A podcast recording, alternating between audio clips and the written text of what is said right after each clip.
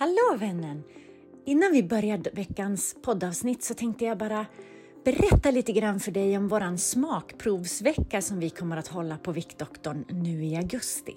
Det är nämligen så här, det är många som kontaktar oss och frågar när vi öppnar nästa program och det gör vi inte förrän i september. Och så ställer de en massa frågor och så upplevde vi att nej men vad tusan, de kan väl få prova på att gå Viktdoktorns program och därav våran smakprovsvecka. Och den är för dig som kanske inte har haft den här sommaren som du trodde att du skulle ha. Jag vet inte om du brukar göra som Alette brukade göra, eh, det vill säga väga, mäta, räkna allting som du stoppar i dig under semestern då du kan kontrollera dina dagar på ett bättre sätt. Bara för att bli besviken i slutet för att du gick inte ner i vikt utan du kanske till och med har fortsatt gå upp. I sådana fall så rekommenderar jag varmt att du kollar in på viktdoktorn.se smakprov. Där går jag igenom allting som vi kommer att gå igenom under den här veckan. Det handlar om varför det är så svårt att låta bli att äta fastän du inte vill, fastän du inte eh, behöver, fastän du inte borde. Eh, vi kommer att gå igenom varför din övervikt inte är ditt fel, precis som den här podden heter, av en anledning. Forskning eh, belägger detta. Vi kommer att gå igenom vilka vikthormoner som styr och hur du kan hantera dem. Vi kommer att gå igenom den enskilt viktigaste beteendeförändringen som du kan göra, som vi ser ger oerhört bra resultat, som relativt snabbt stoppar dig från att gå upp i vikt och som hjälper dig att börja gå ner. Låter inte det här lite spännande? I sådana fall gå in på viktdoktorn.se smakprov och kolla om den här veckan är för dig. Jag hoppas att vi ses och nu tillbaka till avsnittet. Är du en sån som har bestämt dig för att göra din sista viktresa och känner att du inte riktigt har kontroll över situationen, att du känner dig ofta ganska trött och du eh, kanske har lite depressiva tendenser, förstoppning etc. Det kan faktiskt vara så att det är av en helt annan anledning än vad du först trodde.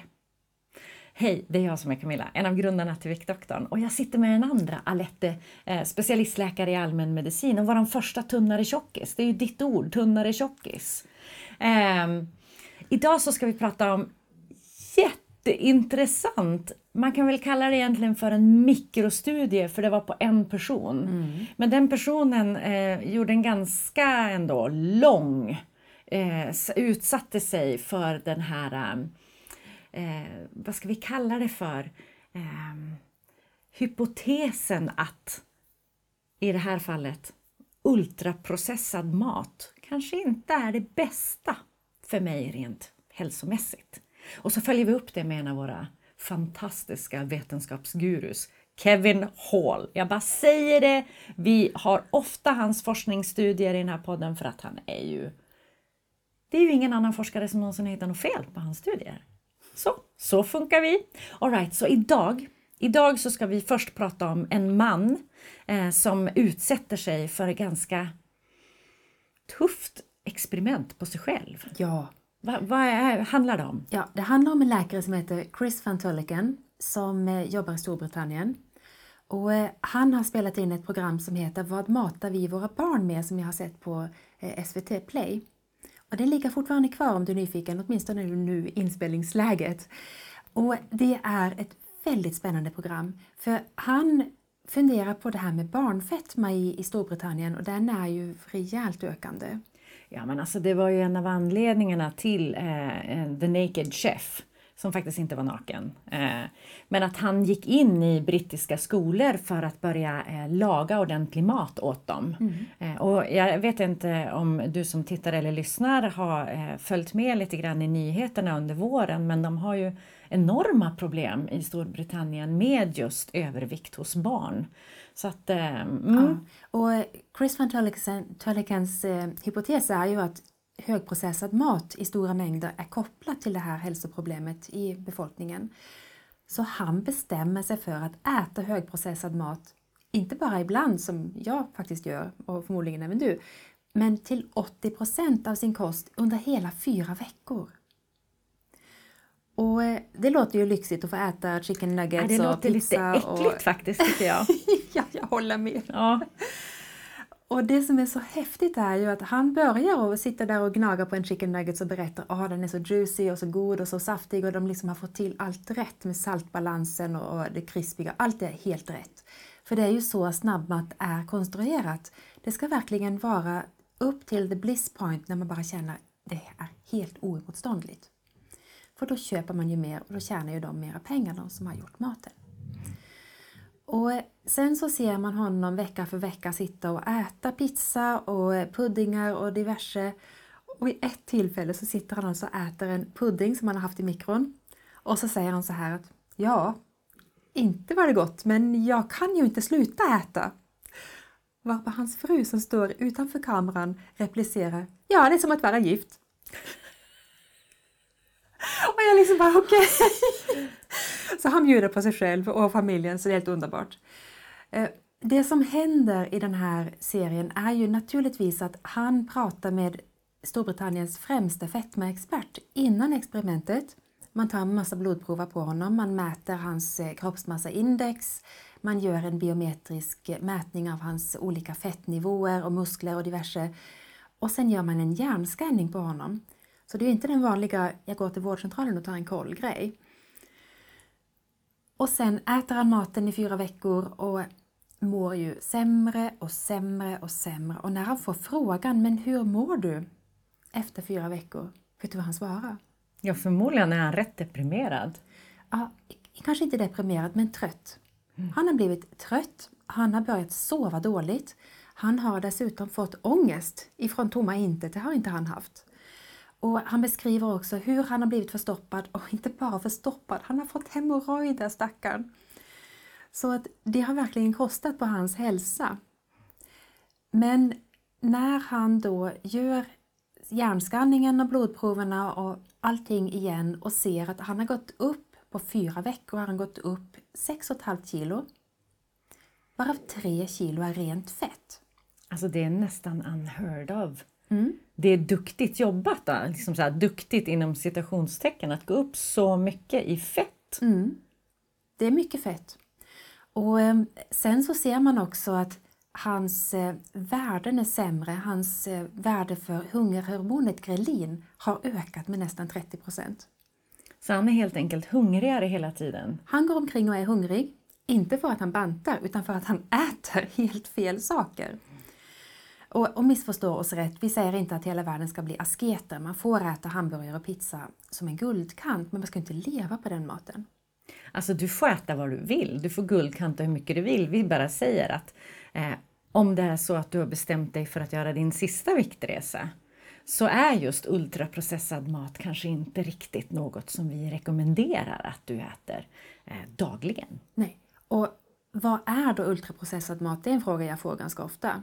Vi har ett jättebra avsnitt med Rebecka där hon går igenom exakt alla nivåerna på eh, det som är helt oprocessat upp till ultraprocessat. Så jag kan länka den, det avsnittet i eh, ja, summeringen av det här avsnittet så hittar du ganska snabbt, för jag, jag kommer faktiskt inte ihåg. Strålande! Sådär rakt av vilken det är. Men det är fyra olika nivåer om du bara tar ja, det kort. Ja, och den första nivån det är ju att en morot är alltid en morot och en bit kycklingfilé är en kycklingfilé. Det är liksom råvara helt oprocessad. Ehm, nästa nivå det är ju att man har ehm, gjort någonting med en råvara och exempelvis man har gjort smör. Eller man har kryddat den. Om Nej, det blir nästa nivå. Är det nästa nivå? Mm. Okej, okay. så man har så, gjort smör? Ja, man har gjort smör, man har gjort socker, man kan ha gjort olja, man kan ha gjort mjöl och det är ju fortfarande inte sådär väldigt bänglat med. Det är vissa processer men inte helt omöjligt. Nästa nivå är att det är kryddat eller konserverat. Ja, just det. För man har tillfört någonting ja. eller man har förändrat någonting. Ja. ja. Så man har exempelvis gjort ost och satt till salt och diverse löpe och diverse och nästa nivå det är mat som har gått igenom väldigt många olika processer och som i regel har en väldigt lång innehållsförteckning där man knappt kan uttala vad som står på den och där man inte vet vad det är och det absolut inte finns i det vanliga köket. Då har man troligen framför sig ett eh, livsmedel som är högprocessad. Och det är ju så att en hamburgare är ju inte bara köttet i burgaren, men det är ju tillsatser i köttburgaren. Det är ett, eh, kanske ett fint bröd, det är lite sån där smältost, det är massa komponenter som har gått igenom sina olika steg. Och det som är spännande nu det är ju att det är ju mycket lättare att äta mer av den ultraprocessade maten. Och det var ju det den här Chris Van Tulligan också upptäckte. Han åt mycket snabbare. Han åt snabbare, Mm. han åt mer, han var hungrig hela tiden. Ja. Det låter ju kanske som att kroppen säger att det här är ingenting vi vill ha. Nej, och det som Det också... räcker inte, jag är inte nöjd. Precis. Och vem är det som säger det? Ja, det är ju vikttermostaten. Ja, och våra små basiller i tarmen. För de måste ju matas regelbundet med sin favoritföda, olika fibrer, eh, för att de ska överleva och ha det bra. Och när de har det bra, då utsöndrar ju de mättnadshormoner som går direkt till vikttermostaten. Men att leva då på högprocessad mat är ju ofta väldigt fiberfattigt så att tarmbakterierna mår inte jättebra på det. Och det innebär också att man får ofta magproblem, som i hans fall att han blev förstoppad. Men jag tänker så här också, för det här har vi ju varit inne på tidigare. Det, det finns alltså olika stammar av tarmbakterier. Och eh, vill man vara hälsosam så finns det en stam. Eh, om man vill ha liksom, god hälsa. Och då finns det en typ av eh, bakterier, en stam av bakterier som man vill föda upp så att de blir många fler och tar över. Ja, eh, sanning med modifikation.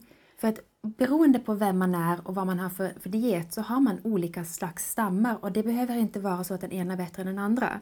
Men en vegetarian som är uppvuxen på landsbygden har en klassisk stam med olika bakteriesorter som klassificeras där. Den som har växt upp i stan och kanske äter framförallt kött, den har en annan variant. Men sen så finns det ju undergrupper som är mer eller mindre energieffektiva.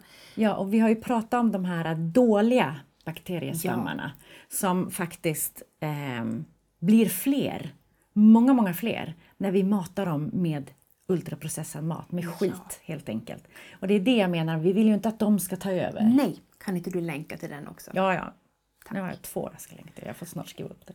Men det som får den här läkaren att nästan trilla av stolen på det här uppföljningssamtalet, det är när han får se sin hjärnskanning.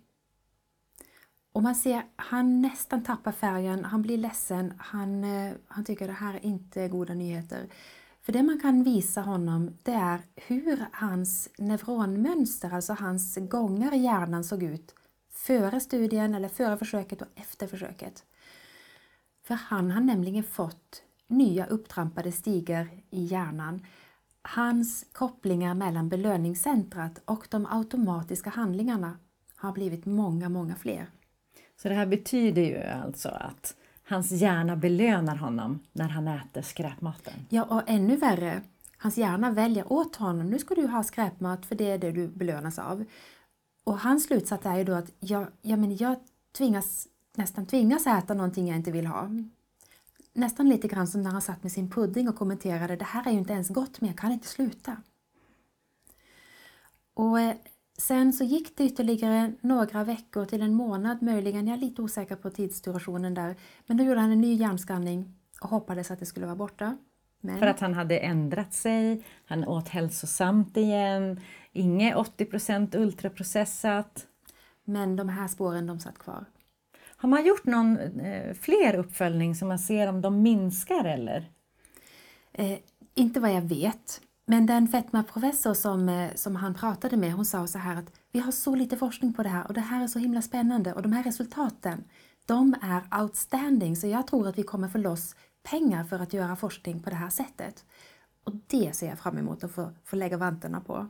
Jag tycker mest synd om Chris som fortfarande dras då med, flera veckor efteråt, att hans hjärna vill styra honom till att äta det som är dåligt för honom istället för att hjälpa honom att äta det som är bra. Det som är tur för Chris, det är att han verkar ha en vänligt ställd eh, vikttermostat. För han berättar eh, på slutet av programmet att jag har kommit tillbaka till min ungefärliga vikt. Så att hans vikttermostat talade om för honom, du väger fel, du ska väga mindre. Och då går man ner till där man ska väga. Så, men en person som intervjuas i programmet är ju Kevin Hall. Ja, we love him. Ja. Och eh, han säger så här att ja, men det här är helt klassiskt. Människor som äter mycket processad mat, de äter mycket, mycket snabbare än de som äter en mer lågprocessad mat. Och det handlar ju dels om att den är så himla god så man bara nästan slukar maten. Men det måste ju också vara för att eh, mer hälsosam mat brukar innehålla mer fibrer och det är tyngre att tugga och man måste liksom... Mm. Måltiden tar längre tid. Ja. Och han berättade om sin studie med 20 individer, 10 män, 10 kvinnor. Och eh, de var ungefär 30 år gamla allihopa. De hade ett BMI på cirka 27. Så överviktiga men inte feta. Ja. Och eh, de fick delta i en 28 dagar lång studie där de under två veckor fick äta antingen en högprocessad kost eller motsvarande en lågprocessad kost där man matchade näringsinnehållet, det vill säga det var lika mycket fett, kolhydrater, proteiner och salter i båda rätterna. Jag är inte förvånad um, att det är så välbalanserat. Och, och resultaten? Ja. Får jag gissa lite? Ja. För det första tror jag att um, vi ser en skillnad. Ja. Jag tror att den är ganska markant. Mm. Men jag tror det skiter sig för båda grupperna ändå. Alltså så här var det, studien, studien är upplagd på att de ställde fram mat till de här människorna oavsett vilken kategori diet som de följde just då. Och det var dubbelt så mycket mat som de egentligen behövde äta för sitt näringsbehov. Så det där är lite fult. Särskilt om det är god mat.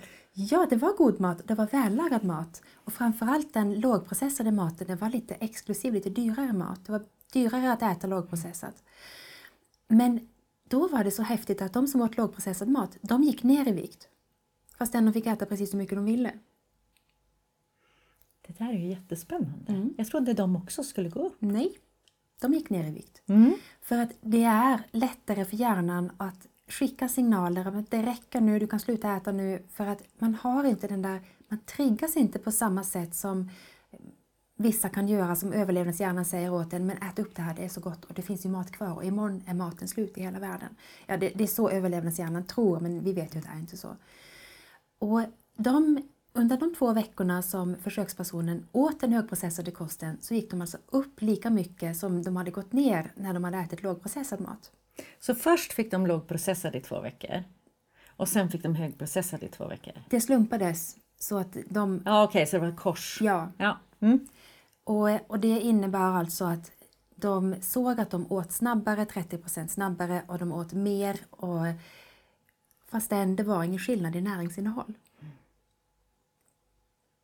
Alltså det, det ger ju bara slutsatsen naturligtvis, naturligtvis att vi bör undvika högprocessad mat i så stor utsträckning som möjligt. Egentligen oavsett om vi vill gå ner i vikt eller inte utan mer för att det är inte hälsosamt.